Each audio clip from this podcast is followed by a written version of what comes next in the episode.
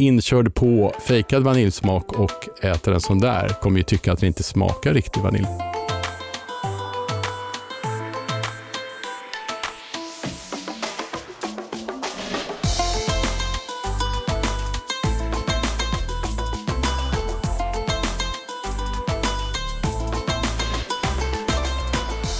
Hej och välkommen till Mitt i maten. Jag heter Linn Söderström, jag är kock och du heter? Farsad. Vad är du då? Eh, jag är bara en fantastisk person. Mm, tack, eh, vad- bra. Hör du Linn, eh, det här härliga podden tuffar ju på Ja, och vi eh, träffar eh, olika personer, vi pratar mat med dem. Ofta är det inte matpersoner vi pratar med, nej, ibland är det det. ja ibland. Men vi försöker ju lära känna dem lite djupare Mm. genom att prata om eh, mat och deras relation till, eh, till det. Mm. Och det funkar rätt bra tycker jag. Ja, Idag ska vi träffa en person som för några år sedan började snöa in på mat mm. på ett eh, nästan maniskt sätt. på ett lite speciellt sätt, ur Ja. en lite speciell vinkel. Ja. Eh, ja, men han började se att det in mat som vi köper i butiken innehåller massor med ämnen. Mm. Det vet ju alla om. Ja. Men han började titta närmare på det här och han insåg att det här är ju helt sjukt. Han skapade någon slags rörelse kring det här kan man säga. Ja, precis. Och skrev böcker. Han heter Mats-Erik Nilsson, han är journalist, har jobbat som redaktionschef på Svenska Dagbladet, han har varit chefredaktör för tidningen Hunger eh, och han har framförallt skrivit en massa egna böcker som handlar om alla tillsatser och e-ämnen i mat. I mat och vin. I mat och vin. Han Mm. älskar inte dem. Nej, Välkommen Mats-Erik till Mitt i maten. välkommen. Tack så mycket. Mats-Erik, det, har du något smeknamn? Nej. Eh, jag vill att folk kallar mig Mats-Erik. En del försöker bara med Mats, liksom, för att de tycker att det verkar krångligt. Så här. Ja. Men det är bara halva namnet. Då brukar jag liksom kontra med att säga bara halva deras namn. Liksom. Heter, hon, heter hon Annika så säger man Ann. Liksom. Men eh, det, det finns ju många som har dubbelnamn. Eh, Ja, i min generation. Liksom. Om man, jag är född 55 och gick plugget då, så där, i början av 60-talet, mitten. Då var det ju rätt många som, alltså väldigt många som hade dubbelnamn. Jag Ja. tänkte ett tag att man skulle skriva en bok om liksom, dubbelna, dubbelnamnsgenerationen. Så där. För Ja. det, det är svårt om man är utomlands. Det är liksom ingen som, till exempel om man är i USA, så undrar de vad är det för namn egentligen? Och säger man att det är ett bindestreck mitt i. Mm. Men om, man då, om de då vet, om de har lite utblick så känner de till kanske att i Frankrike kan man heta typ. Jean-Philippe och Ja. sådär, Jean-Pierre. Jaha, då liksom hajar de. Men Mats-Erik är superovanligt och det, det, jag tycker det låter som ett dansband. Om du tänker Mats med Z och. Eriks Ja, med just, X. Mats-Eriks. verkligen. Ja, Men det är lite som eh, en annan gäst vi hade här som hette Maxida Mm. Marak. ja, Hon, eh, är ju, hon eh, hette ju Max när hon Mm. var i magen och sen så föddes hon och så var hon ingen Max. Nej, precis. Och då fick hon Mhm. behålla Max, så blev det Jaha, Max okej, då Ida. fortsätter ja. Och, och då var det väl tydligen många som kallade henne alltså som att det var ett dubbelnamn. Mm. Max-Ida. Mm. Ja, just det. Då berättade hon också att det är många som hör fel och tror att hon heter Mats Ida. Ja. Precis Det är nog du. lite mer ovanligt. Ja, precis. Det är ännu mer ovanligt.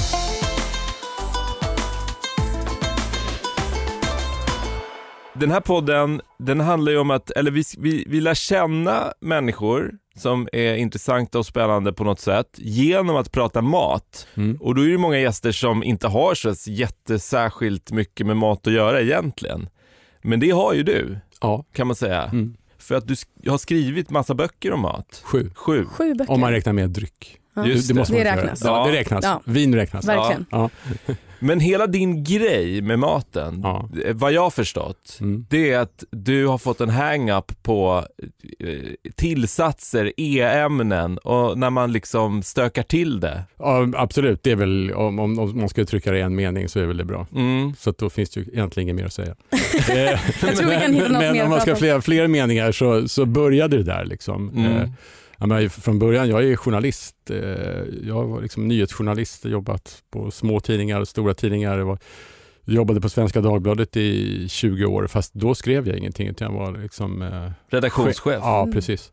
Och sen, eh, ja, så liksom rent privat så, så snöade jag in på det där. Så att det hade egentligen då ingenting med jobbet att göra. Jag hade ingen tanke på att jag skulle skriva om det där. Utan ja, jag skrev om det där i den första boken. att vi var på en badstrand på Gotland, jag och min brorsa och våra familjer och han gick och köpte Magnum pistage till allihopa och så ja, han fick syn på innehållsförteckningen där och började läsa upp den och frågade liksom om det är någon som hade en aning om vad glassen innehöll och sådär. Mm. Och, då, och det var ju liksom rätt fascinerande då. Det fanns ju socker som ingår i ett vanligt glassrecept men sen var det ju hur långt som helst liksom om en massa annat. Mm. Eh, Hur mycket, kommer du ihåg hur mycket pistageglassen innehöll? Ja, den innehöll faktiskt lite pistage. Ja, eh, men- En mikroskopisk mängd. Det Ja. stod inte just ordet mikroskopisk men, eh, men det var ytterst lite som en slags gisslan eller alibi där på något vis. Ja, Och sen, och sen var det ju färgen, alltså det var ju två, det var ju färgen kom från spenatpulver plus två stycken färgämnen med E-nummer och så, ja, så var det och sen en- så var det arom. en, Ja, precis. Väldigt massa annat. Och, eh, Hur smakar och, den? eh, smakar som Magnus pistage. Alltså den där pistagearomen smakar inte egentligen som pistagenötter om man gör glass på pistagenötter. Så, Mm. eh, så det är ju liksom någon, ja, smakar fejkat liksom. Och, ehm, Det är, som, va- det är som vaniljglass när jag var liten. Mm. Den hade en annan smak. Mm. Sån vaniljglass finns säkert när var du fortfarande. liten? Ja, men på 80-90-talet. Ja. Nej, det är ju precis. Det är ju, eh, nu finns det ju, jag vet inte, då var det väl ganska mycket fejkad vaniljsmak. Alltså Mm. det finns ju liksom, när det gäller fejkad vaniljsmak så finns det liksom, vad ska man säga, grader i helvetet. Liksom. Det finns Mm. olika varianter. Det finns de som är bara helt kemiskt. Sen finns det de som kommer från rötad granved som är liksom lite finare fejkad vaniljsmak. Och så, Mm. och så kan man ösa på olika mycket av det där och då blir det ju, så att om man, om man gör vaniljglass på riktig vanilj bara, Mm.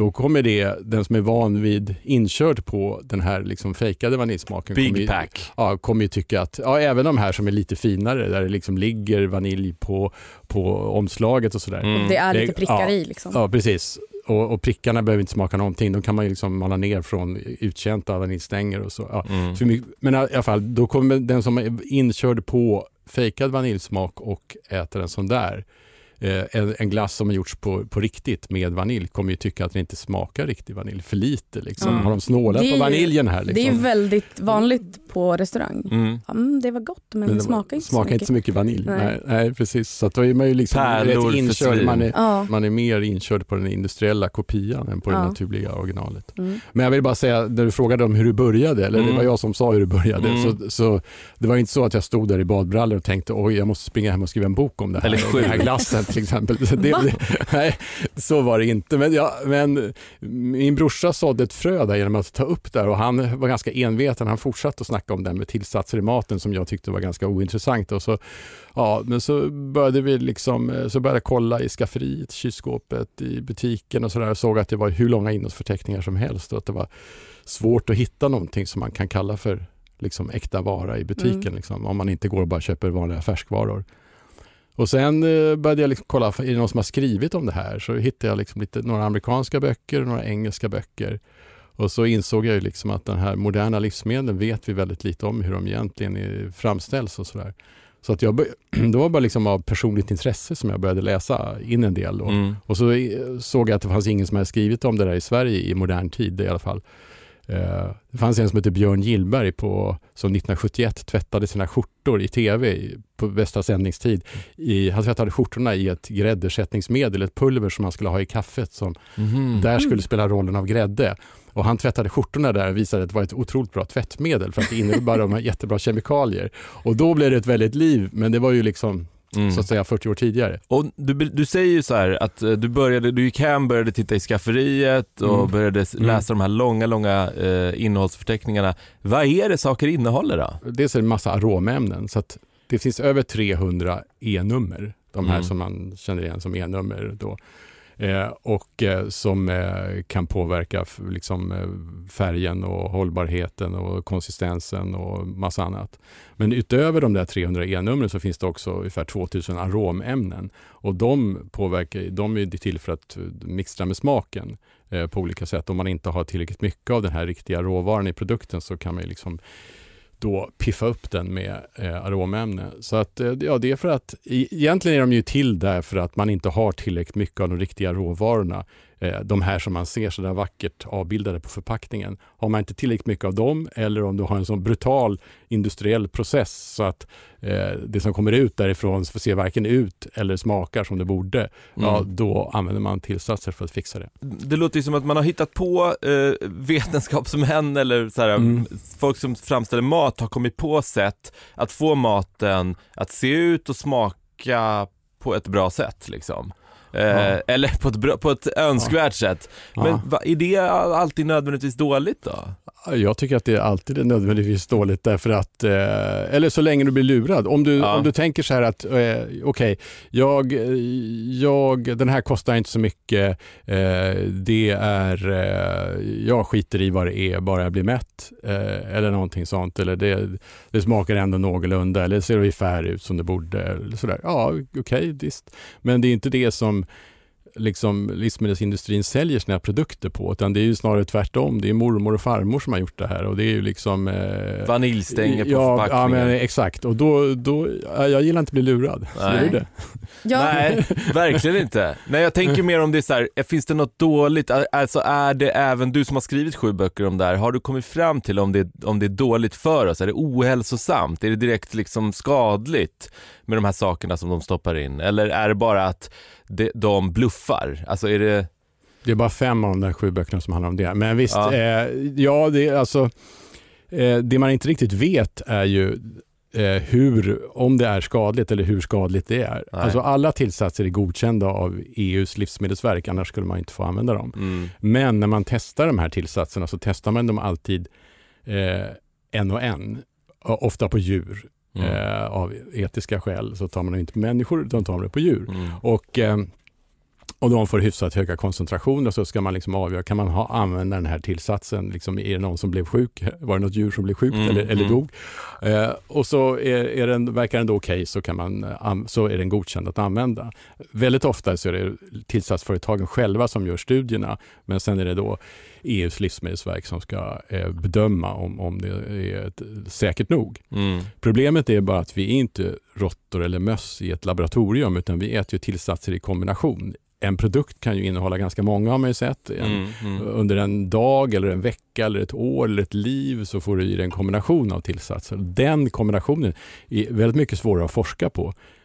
Om det då finns över 300 tillsatser. Mm. Alltså hur ska man, vilka kombinationer ska man, eh, hur ska man göra de studierna till exempel? Så jag har gjort väldigt få studier där man, det finns några stycken, liksom finns det en som är ganska känd där man tog eh, ett antal eh, färgämnen eh, i kombination med natriumbenzoat som är ett konserveringsmedel som finns i läskedrycker och sånt där. Och så var teorin att barn som verkade äta mycket av skräpmat, liksom, att de blev hyperaktiva. Kunde det vara de här färgämnena? och- azurfärgerna. Ja, precis. Ja. Ja. Vadå? Azofärgerna. Eh, kunde det vara de här färgämnena? I Vad är det? Ja, det är olika, en vi- viss grupp av färgämnen. Som man använder? Ja, som man använder. Mm. Ja. Eh, Det var inte, ja precis, men det, det, var, sex stycken färgämnen och sen Mm. var det det här konserveringsmedlet. Kunde det vara så att trots att de var godkända och inte ansågs så farliga för sig, Mm. när man då fick i sig de här Som en sammantaget. cocktail. Ja, precis. Och den här studien som gjorde de faktiskt på inte på djur, Mm. utan på barn och ungdomar. Så att det fanns Som en redan eh, liksom, De var åt det redan här eller drack godkända. det här. Ja, som, ja, precis. Som, som fick det här och så fick några andra inte det. Då. Och, och då kunde man se att det liksom frammanade eller förstärkte deras hyperaktivitet. Så att trots att tillsatserna var godkända. Men eh, med det sagt så, alltså mitt, min drivkraft har inte varit och mitt budskap har inte varit att allt det här är livsfarligt. I så fall skulle ju ingen av oss sitta här. Nej. Vi har väl fått i oss en annan tillsats genom livet och kanske varje Verkligen. dag.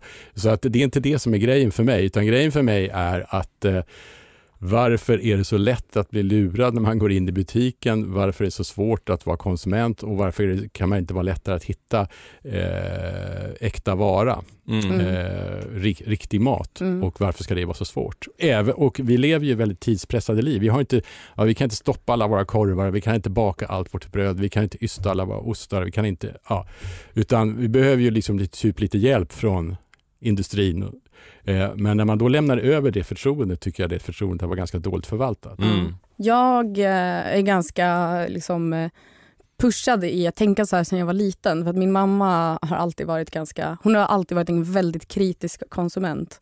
Både kanske på grund av att hon är tandhygienist och kollat efter socker och sånt. Men också tror jag att hon alltid har varit lite så här intresserad också av vad det faktiskt är i grejerna. Mm. Eh, hon vill inte köpa skit, så här, vatten och sånt. Hon vill inte betala för grejer som inte är det det ska vara. Typ. Men hur påverkar det dig då? En del blir ju Eh, tvärtom. Liksom. Ja, men jag tror att jag fick någon slags, jag tror jag alla våra, mina syskon fick någon slags eh, så här, revoltgrej när vi började högstadiet i stan, Mm. eh, inom citationstecken. Eh, när vi faktiskt kunde gå från skolan och så här, köpa godis och sånt. Mm. Då, var det liksom, då käkade vi godis varje dag och så här, eh, panpizza och pommestallrik istället för lunch Mm. och så här, verkligen tappade det lite. Mm. Men sen så har nog alla vi gått tillbaka till att bry oss mer om Ja, jag jobbar ju med mat så det, någonting gjorde det ju såklart. Jag tror att det är precis så som du beskriver det. Att Mm. eh, man gör i sina tonår en revolt mot den kost man har eh, i Man sitt har haft, hem. liksom. Ja. Mm. Jag vet många Mm. vänner till mig som drack jättemycket läsk och alltid köpte chips och så här. Mm. De kom ju från hem där, det, där sånt inte fanns. Men att, precis som du säger, att sen när de själva liksom blir vuxna, Mm. då går de Mm. tillbaks till det de en gång lärde sig som Exakt barn. så Ja. var det med min äldsta son. Är det Ja. precis så. Han, när han var 17 så då drack han såna här liter flaskor av Coca-Cola och liksom åt usel frukost och sådär och liksom tyckte att eh, allt det här som gud vi pratade om. tråkigt. Ja, vi liksom. var, pra- alltså, vi, egentligen var vi lurade. Ja, vet, han hade, det kunde vara väldigt långa samtal kring det där, Ja. hur lurade vi egentligen var. ja, Men eh, idag så är han, han gör ju mer från grunden än vad, än vad jag gör. ja. Mm. Alltså, ringer man hem till honom, han har liksom lite, li, ett, en liten dotter och då han kommer hem från jobbet och då har han gjort, ja vi åt quesadilla idag, ja från grunden förstås. Då har han, liksom, Ja. han har inte köpt något färdigt som han har fyllt utan han liksom, Ja, Han har Ja, gjort allt. ja, liksom. ja, ja. Ja. Men jag minns att min mamma var så här att bara, ja, men det värsta är ju att när man har i de här grejerna då döljer man ju att man inte har i det det ska vara. ja. Alltså att det, är så här, det behöver inte vara dåligt, eller det behöver liksom inte vara per se dåligt men Mm. Att så här, ja men då är det för att man har haft i vatten och förtjockningsmedel och något annat och sen så smakar det någonting men det är inte yoghurt eller vad det nu kan vara. Nej, nej så. precis.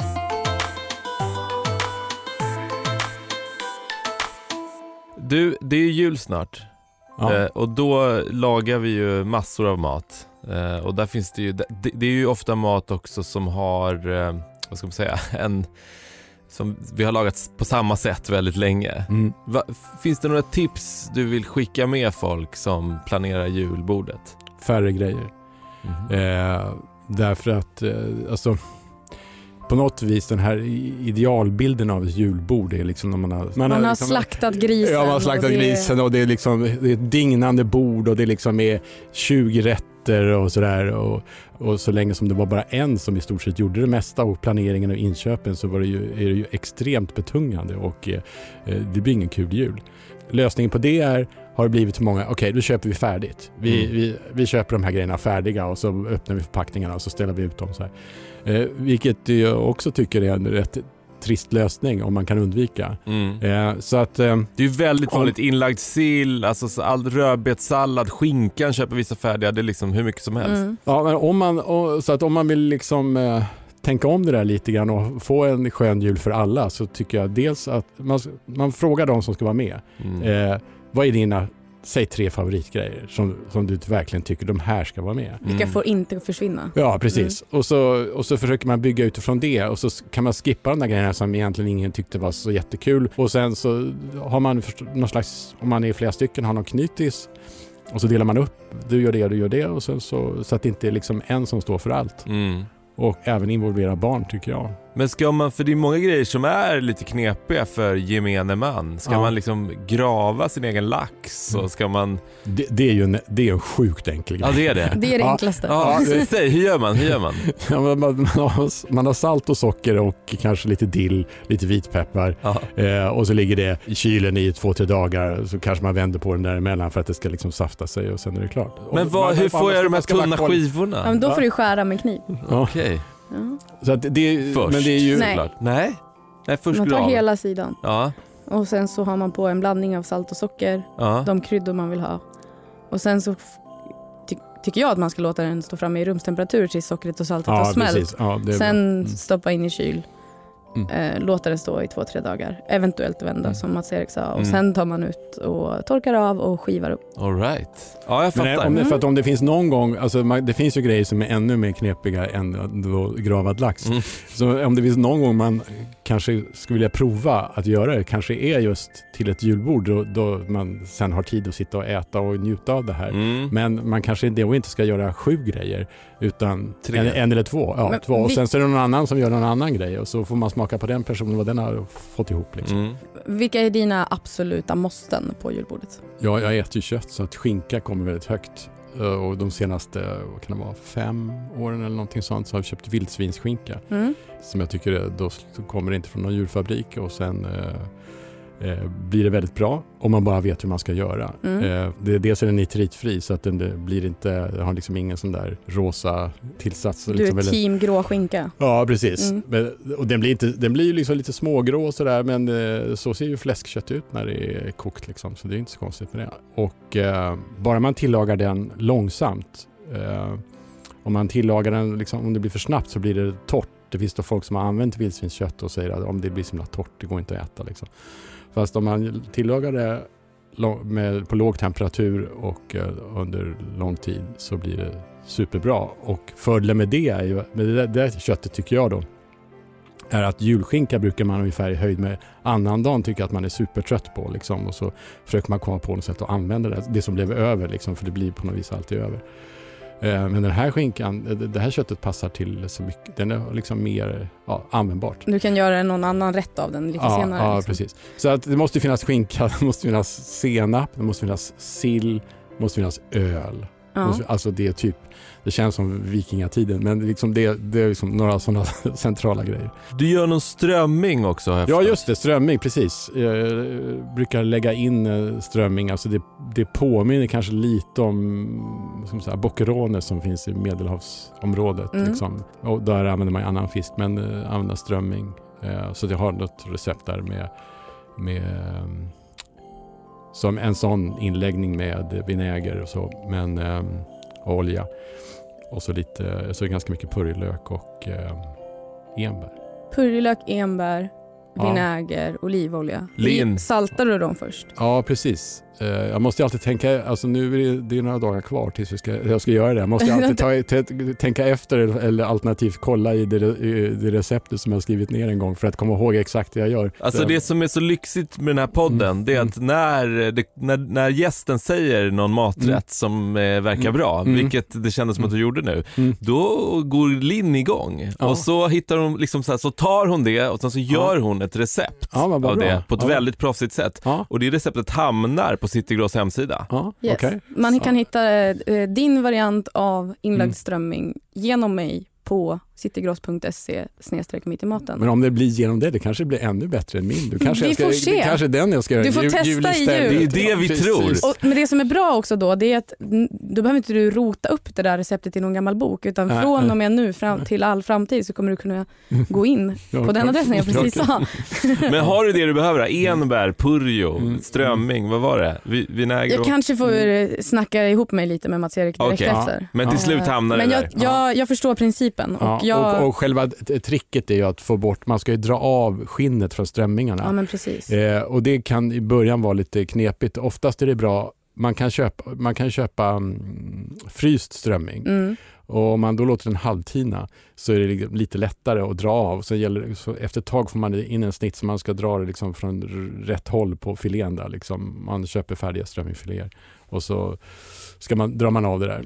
Och Eh, sen om man, eftersom strömming ändå är så billigt så kan man gå till fiskdisken och säga hej jag vill ha ett kilo dragen strömming tack. Ja, det kan man göra också. Ja. det, det, har- det har jag inte kommit på. Okej, ja.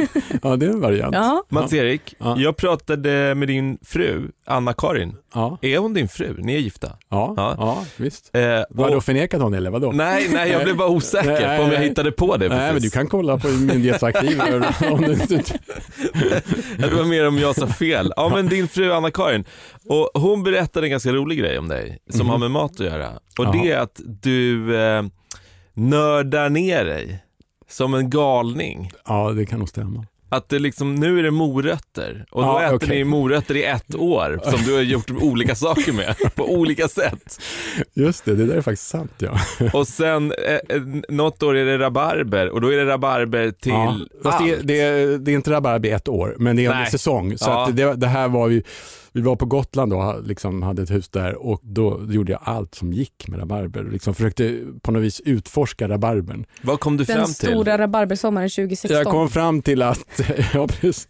jag kom fram till att det är en fantastiskt god smaksättare. Att det är häft, alltså jag ville liksom komma bort ifrån rabarberpaj. Alltså den här man tar, man tar rabarber som har en fantastisk smak i sig och syra och sen öser man på med jättemycket socker och kanel och kardemumma och, mm. och sådär. Och sen har man liksom dränkt den här rabarbersmaken. Jag vill liksom hitta den där som är när man biter i en rabarber som kanske är lite för tufft ofta. Det är oerhört syrlig. Ja, det är oerhört syrlig. Men den där ur, ursmaken liksom. Jag körde, höll på att köra sönder en sån här råsaftcentrifug med att köra väldigt mycket rabarber mm. till exempel. För då kom det ut den där juicen. Mm. Och den kan man ju sen använda i matlagning liksom, eller, eller drinkar. Eller, ja, ja, det gjorde jag aldrig. Men det skulle, man kunna, det skulle man absolut Tips. kunna ha gjort. Ja.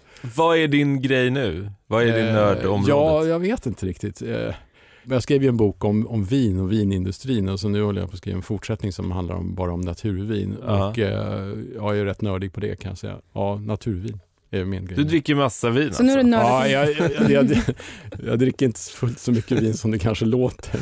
Vad är, kan vi bara vet du, reda ut, vad är ett naturvin? Jäst druvmust. Och vad är, vad är skillnaden? Ja, att eh, man, när man gör vanligt vin får man använda 63 olika tillsatser och processhjälpmedel enligt EUs regler. Mm. Eh, och eh, till exempel bara det att man inte låter det spontanjäsa utan man tillsätter eh, färdig jäst som dessutom kan vara smakdesignad för att påverka smaken.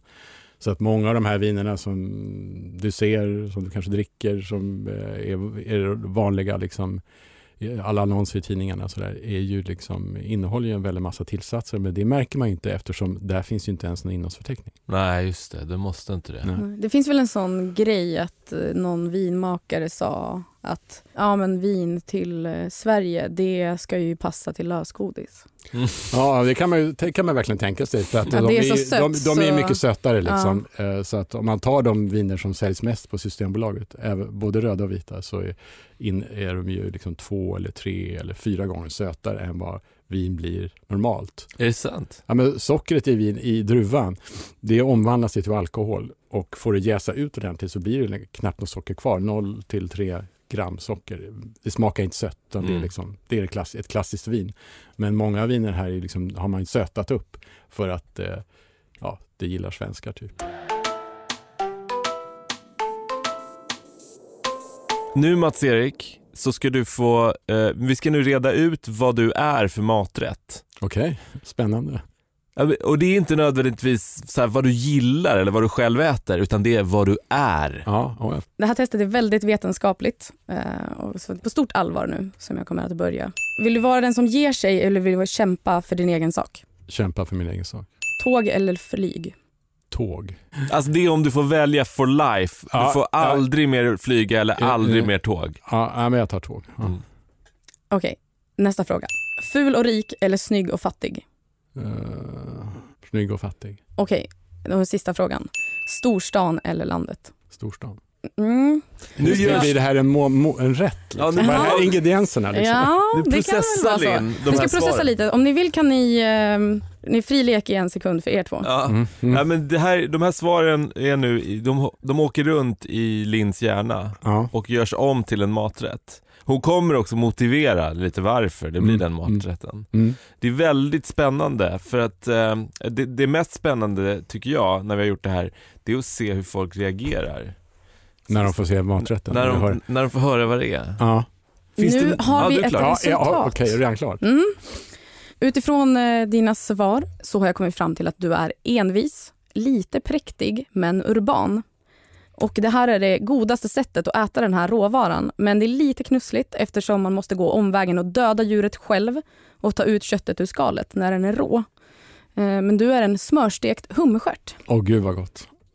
Gud vad sugen jag blev på dig exakt nu. på dig själv? Ja, nej, ja, nej. Du är vad du äter. Nej, ja. Eh, ja, det blir man ju glad för. Ja, ja men cool. Tack Mats-Erik för att du var med. Nu är det slut. Ja, nu är det redan slut. Vad roligt att ha dig här och prata med dig. Detsamma. Väldigt roligt. Jag är väldigt nyfiken på, för nu börjar det närma sig lunch här snart. Vad mm. blir det? Smörstekt eh, hummerstjärt Såklart. med ett glas Strålande. naturvin. Ja, perfekt. Ja, Okej, har Får jag gått? följa med? ja gärna. Ja. Linn, du stannar här. Okej, sorry. Tja då! Hej, Hej då. Kul att hänga med Mats-Erik idag. verkligen. Hem och läsa innehållsförteckningar nu. Jajamän, Du, eh, vi hörs i nästa avsnitt då. det gör vi. Mitt i maten görs i samarbete med Citygross och produceras av Munk Studios. Studios. Snyggt att du sa, kom in där och sa det i mun på mig. Tillsammans. Vi är bäst. Ja, Tja då! Hej!